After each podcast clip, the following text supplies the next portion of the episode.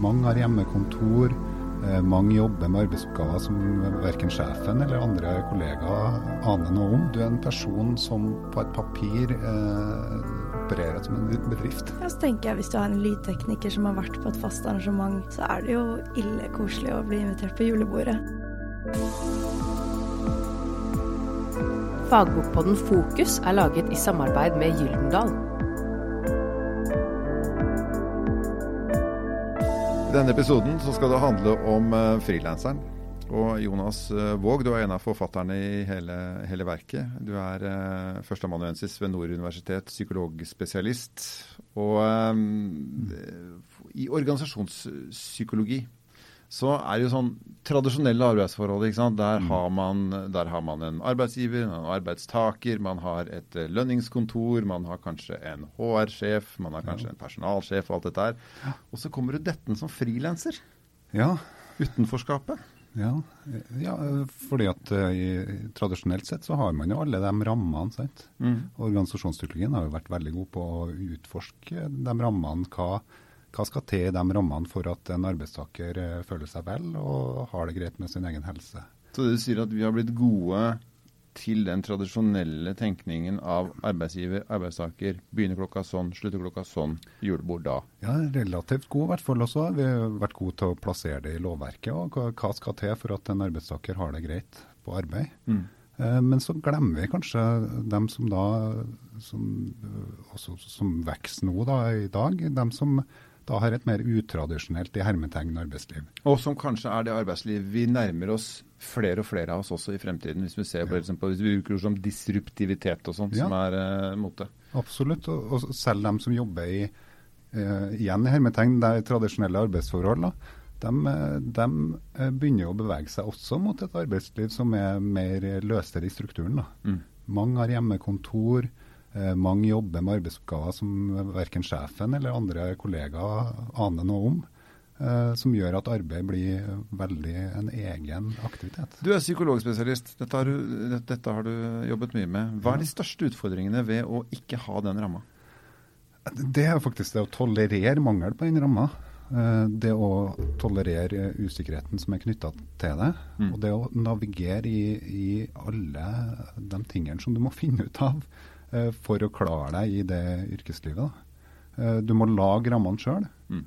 Du må ha et kontaktnettverk. Du må ha personer som du stoler på, som du kan uh, utveksle informasjon med, sånn at du får gode tilbakemeldinger tilbake spill. Og du må også opprettholde en kundeportefølje, eller skape deg en kundeportefølje. opprettholde mm.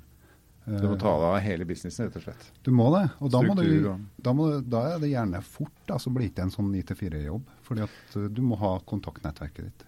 Hanna von Bergen, du er jo ikke her uten grunn. du, du, har en podkast som heter Frilansliv, og så er du selv musiker. Artist også, som jeg sier. Hadde gitt ut plate og greier.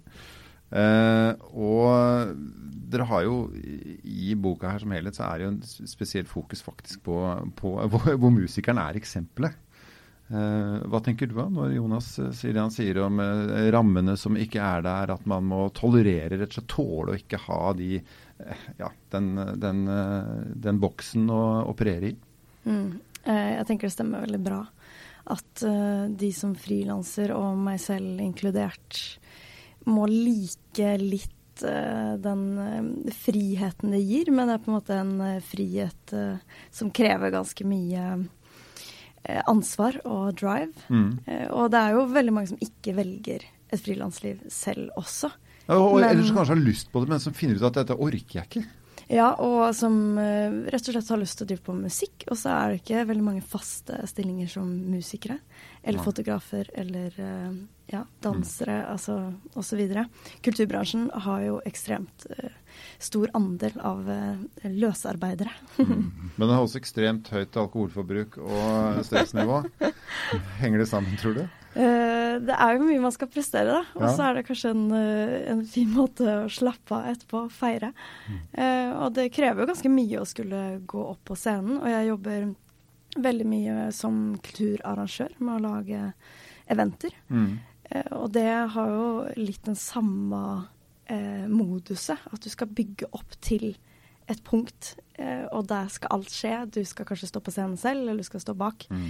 Og sjekke at alt er riktig. Men det er eh, veldig stressfremkallende.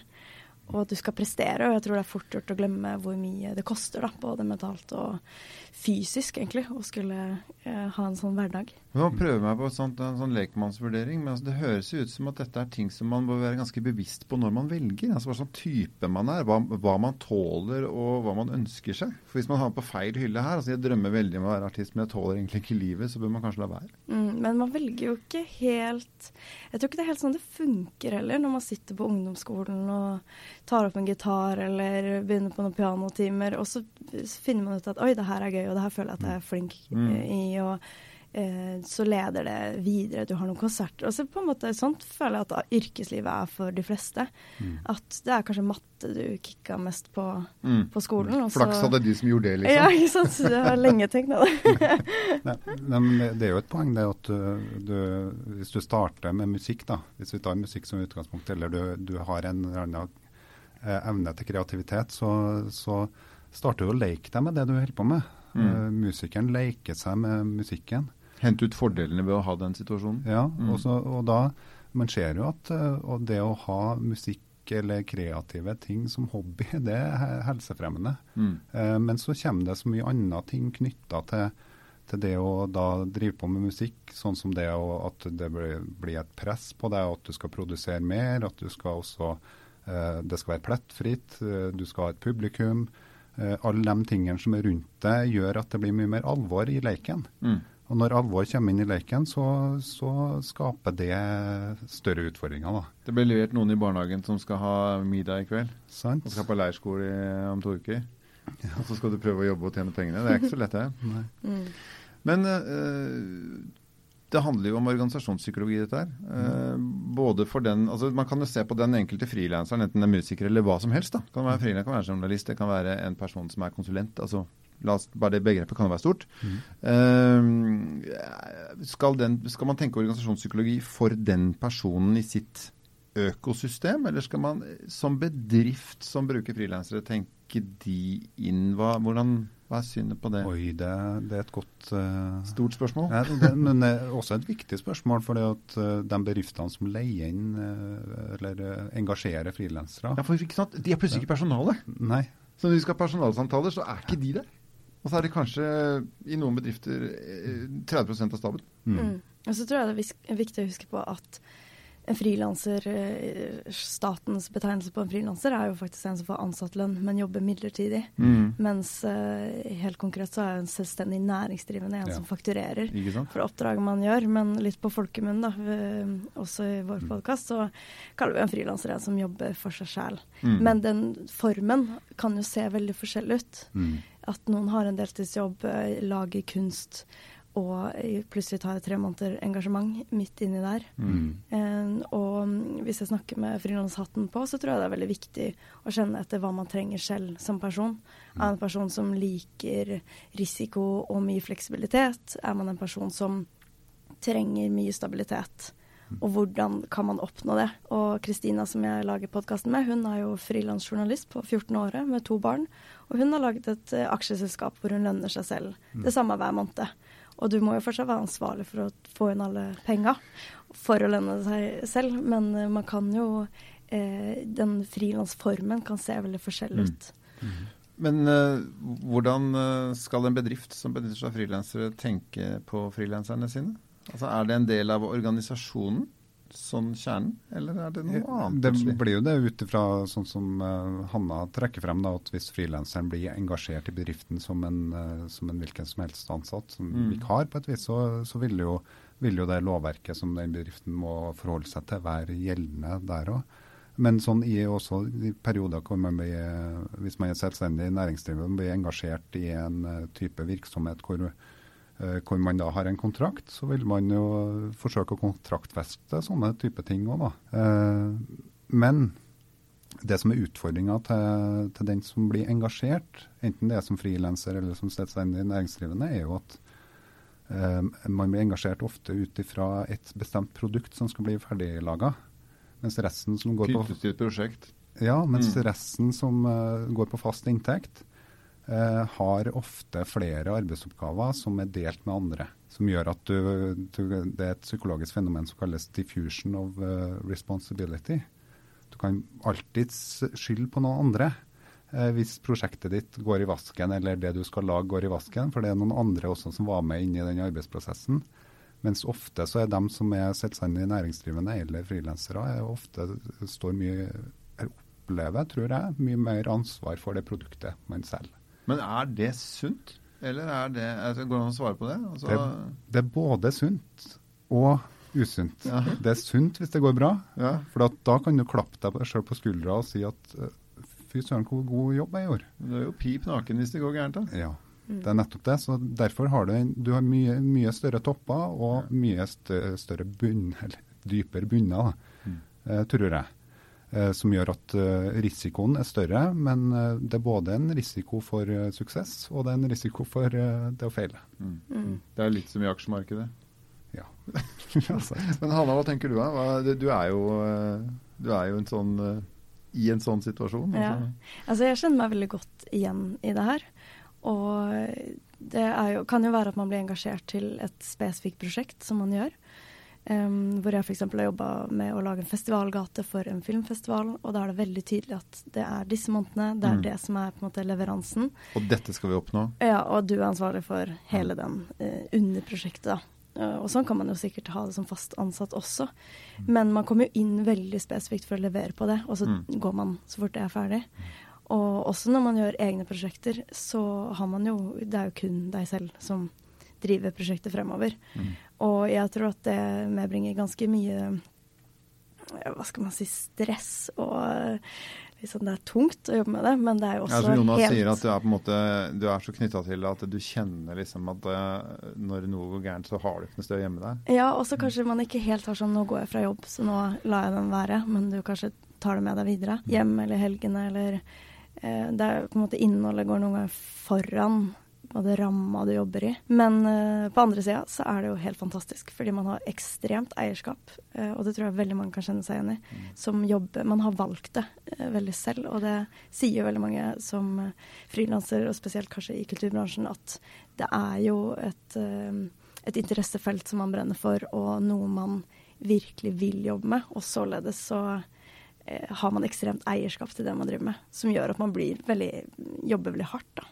Bør man være litt unorsk òg? At man er litt positiv selvgod? For Man må jo skryte man må jo være, altså Når man får til noe, da man har lagt alt i det, liksom, og står i det bare med sine egne bein, så må man jo på en måte gi seg sjæl kred òg. Ja, jeg har alltid vært en veldig tilhenger av å feire ting, ja. og ikke nødvendigvis med alkohol. Men, ja, nei, nei. men at det funka. Ja, fordi man går så fort videre, og man glemmer litt det man har gjort. Man, man bare ser framover på neste prosjekt eller oppdrag. Og det der å stoppe opp og klappe seg selv litt på skulderen, eller altså Man kan jo feire på masse måter, men at man mentalt tar en liten pause. Mm. Og det at man legger opp året sitt til at det ikke er på høygir hele mm. tida. Fordi det, man har ikke, man, det er vanskelig å justere den intensivitetsnivået uh, mm. som mm. frilanser. Det blir fort at man sier ja til alt og gjør alt samtidig. Vi var så vidt innom en liten nyanse som egentlig er ganske stor. Forskjellen på frilanseren som er i en bedrift, type vikar, engasjement, et eller annet, og den selvstendige næringsdrivende som har opprettet kanskje et enkeltmannsforetak, mm. og sender en faktura eh, Staten sier eh, du skal fakturere moms, alt dette her. Mm. mm. Hva, er, hva er forskjellene? Rent uh, juridisk så er det jo veldig stor forskjell. Uh, fordi hvis du kommer inn uh, i en festival f.eks. og jobber fire måneders engasjement, så får du ansatt lønn. Mm. men det bringer jo med seg også ulemper, som ofte er at du ikke får avspasering. Du får kanskje ikke høyere lønn enn de andre fast ansatte. Og så, sånn sett kanskje du sitter igjen med litt dårligere betingelser. Og det er jo en stor um, ulempe med midlertidig ansettelse mm. i ganske mange bransjer. Og som selvstendig næringsdrivende så fakturerer du, men du får jo ikke noe feriepenger. Eh, du må selv sørge for din egen pensjon. Mm. Eh, det, og hvis du er syk, så får du ikke noe fra staten før etter to uker. Og da får du hva er det jeg lurer på om det nå er 65% av eh, din inntekt. Så det er veldig forskjellig eh, juridisk. Du må bli syk på riktig tidspunkt òg, faktisk. Ja, og ha en BEF-konto. Ja, ikke sant. Mm. Eh, støtter du det, Jonas, at det er liksom litt det samme? For Når du er selvstendig næringsdrivende, så er det jo et selskap som rent sånn merkantilt sett fakturerer et annet selskap og leverer et produkt. Det er jo Mm. ikke en person-person, sånn sett. Nei, det er sant. Men eh, eh, du er en person som på et papir uh, opererer som en bedrift. Mm. Uh, som selvstendig næringsdrivende. Sant? Så, da, så da vil du jo um, eh, så, Men i prinsippet så er det deg sjøl som står ansvar for produktet ditt, eller hva du selger. da, Hvis du da ikke har engasjert flere i den, eh, den næringsdrifta di. Men sånn eh, helt til slutt, eh, hvis vi ser, på, ser fra bedriftsledelsens ståsted, som sier at nei, du må være eget selskap for å levere tjenestene dine her. Eh, skal de se på dette som en ansatt, altså sånn de facto sånn i forhold til julebordet, i forhold til samt, medarbeidersamtaler og denne personens ve og vel, eller skal de se på det som et selskap som skal håndtere dette på sin side av eh, skrivebordet? Oi, det, det syns jeg er vanskelig å, å, å svare på. Altså, jeg tenker I et arbeidsliv som, eh, som da beveger seg mot å bli mer og mer sånn, så må man i hvert fall begynne å eh, diskutere sånne type spørsmål om hvorvidt, om hvorvidt man skal være rausere også med de personene som da blir engasjert over kortere tid, enten det er som frilans eller så det er som å bli innkjøpt som, et, eh, som en selvstendig næringsdrivende. Mm. Mm. Se mennesket, ikke butikken. Ja. Ja, så tenker jeg Hvis du har en lydtekniker som har vært på et fast arrangement, så er det jo ille koselig å bli invitert på julebordet til uh, den bedriften, f.eks. For eksempel. Fordi uh, man uh, det spør, Jeg tenker det spørs hvor mye har man vært I hvilken relasjon har man til bedriften man jobber for. Eh, og vice versa. Hvor, ja, hvor nært er det? Har man 1000 frilansere løpet av et år, eller har man på en måte noen faste som kommer igjen og igjen?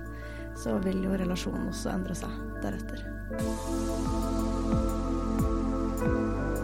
Du har hørt fagbokpodden Fokus, som er laget i samarbeid med Gyldendal.